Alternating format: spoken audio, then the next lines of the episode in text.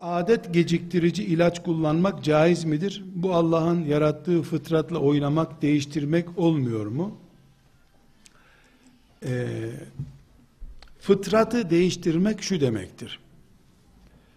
Kökten müdahale. Mesela kadının hamile kalışını önlemek iki türlüdür. Bir, yani maddi tedbirler alıp ilaçtı vesaireydi. Bir sene, iki sene, üç sene veya bir ay, beş ay hamile kalmasını engelliyorsun. Bu geciktirmedir. Kaldırma değildir. Ama bir de bir kordon bağlamak gibi mesela e, bir e, yöntem uyguluyorsun. Tıp onu bir daha geri getiremiyor sana. Bu fıtratla oynamaktır. İki gözü olan insana üçüncü göz takmak gibi. Bir gözünü kaldırmak gibi. Fıtratla oynamak başka şey, ilaç gücüyle veya spor gücüyle bir sebeple filanca uygulamayı geciktirmek gibi. Mesela bunu çok basit şöyle örneklendireyim. Ee, bir insanın 12-13 saat ayakta kaldıktan sonra yorulup dinlenip yatması fıtrattır. Ben uyumayayım diye 2 saat oturmak fıtratı geciktirmektir. Engellemek değildir, değiştirmek değildir. Ama bir insan bir ilaç kullanıyor, bir daha uyumayacak. Fıtrat bozulmuş oluyor. Yani acıkmada da böyledir bu. İnsanın en az iki öğün yemek yemesi fıtratı gereğidir. Ben yemeyeyim, periz yapayım dese bir insan, tıbbi sakınca bölümüne gelinceye kadar fıtrat olan yeme ihtiyacını bir nebze geciktirmiş olur. Bundan dolayı da harama girmez. Ama açlık boykotuna girse, açlıktan ölse intihar etmiş olduğu için Allah muhafaza çok kötü bir şekilde ahirete gitmiş olur. İmanı bile tehlikeli bir şekilde ahirete gitmiş olur. Kadınların ay başısını geciktirmesini bu perspektiften ele alıyoruz. Ramazan ayında ve hac döneminde bilhassa hanımlar aybaşı pozisyonunu geciktirmek istiyorlar.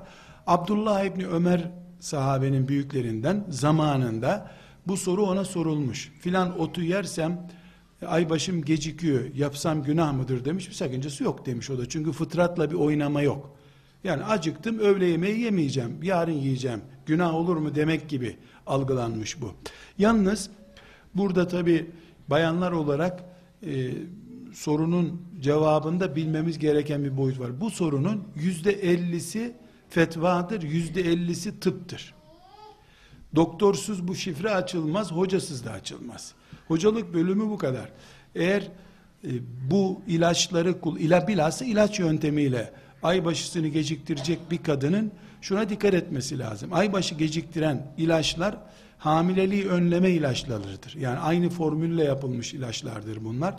Dolayısıyla hamileliği engelleme, aybaşını geciktirme gibi fonksiyonlar kalıcı etki yapabilir doktor izni olmadan bünyede tahlil vesaire ne yapacaksa doktor sen bu ilacı kullanabilirsin ya da sana şu ilaç zararsızdır demediği sürece bu ilacı kullanmak caiz olmaz. Ama doktorun yasağından dolayı dinen bunda bir sıkıntı yok. İkinci olarak da e, sorulan sorulardan daha sonraki cevap sürecinden bunu biliyoruz. Yani bu ilaçlar yüzde yüzlük ilaçlar değil. Baş ağrısı için kullanılan ilaçlar gibi kullanıyorsun başın ağrısını geçirttirmiyor. Yani bu ilaçları 3 ay 4 ay önceden test etmeden bu ilaçlara güvenmemeli kadınlar.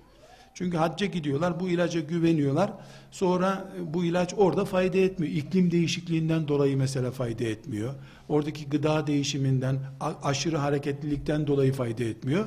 Bu sefer kadın e, bin bir e, moralsizlik içerisinde ne haccından lezzet alıyor, e, ne de bir ibadet zevki alıp geri dönebiliyor. Yani iki şeye dikkat etsin hanımefendiler. Gerek Ramazan'da gerek yok. Allah Teala 30 gün oruç tutmasını istemiyor kadınların. Niye? Yani Allah'tan çok ibadet istemek de doğru bir şey değil aslında. Yani Allah böyle bir imtihan edip oruç tutmadığın halde sana Ramazan sevabı vermek istiyor. Lazım değil demek gibi oluyor bu. Allah Teala'ya böyle denmez. Kul edebini bilir.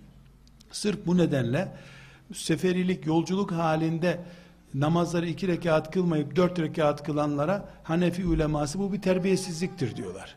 Allah'a karşı edep dışı. Yani Allah sana acıdım kulum. Sen iki rekat kıldı teşekkür ederim lazım değil deyip geri vermek gibi kabul ediliyor bu. Bu sebeple yani kadınların bilhassa Ramazan'da e, böyle bir strese girmelerine gerek yok. Sahura kalkmış, iftara oturmuş gibi ecir yazacak Allah. Ne istiyorsun daha? Millet akşama kadar oruç tutuyor, şüpheli oruç tutuyor. Kabul oldu mu olmadı mı? Sen yiyorsun, içiyorsun, gene Allah sana sevap veriyor. Yani biraz ileri gideceğim, kadın kafası diyeceğim, kızdıracağım birilerini demeyeyim böyle. Demeyeyim, kimseyi kızdırmamış olayım.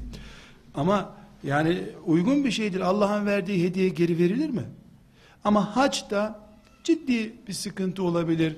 Fetva zorluğu var. Muasır ulema bu işe çok yanaşmıyorlar. Hac için bir nebze uygun bu. Onu da kesinlikle aylar öncesinden test etmek ve doktora danışarak kullanmak gerekir. Bunun da yüzde seksenlerden fazla tesir etmeyebileceğini de e, bilerek bu ilacı kullanmak lazım. Hacca giden hanımefendiler fetvasına güvendikleri bir hoca efendiden tespit etmelidirler. Çünkü ben şu zamanıma rastlayacak, bu zamanda büyük ihtimalle aybaşı olacağım, ne yapmayayım diye hoca efendisinin kimle, kimin fetvasıyla amel ediyorsa ona sorup o şekilde hareket etmelidirler. E, aksi takdirde e, yani lüzumsuz bir sıkıntı sonra bu düzen bozulduğunda aylarca kimilerinde senelerce istikrarsızlık oluyor. Kadının stresi, sağlığı vesairesi etkileniyor. Allah'ın kurduğu düzen her zaman güzeldir. Allah dikenli gül yarattıysa sen onu fabrikada dikensiz gül yaparsan eline batmaz ama midene zarar verir bu sefer. Allah'ın yaptığına karışmamak lazım. Evet. Ama her halükarda bu ilaçların alkol gibi necis bir şey ihtiva etmemesi halinde kullanılması caizdir.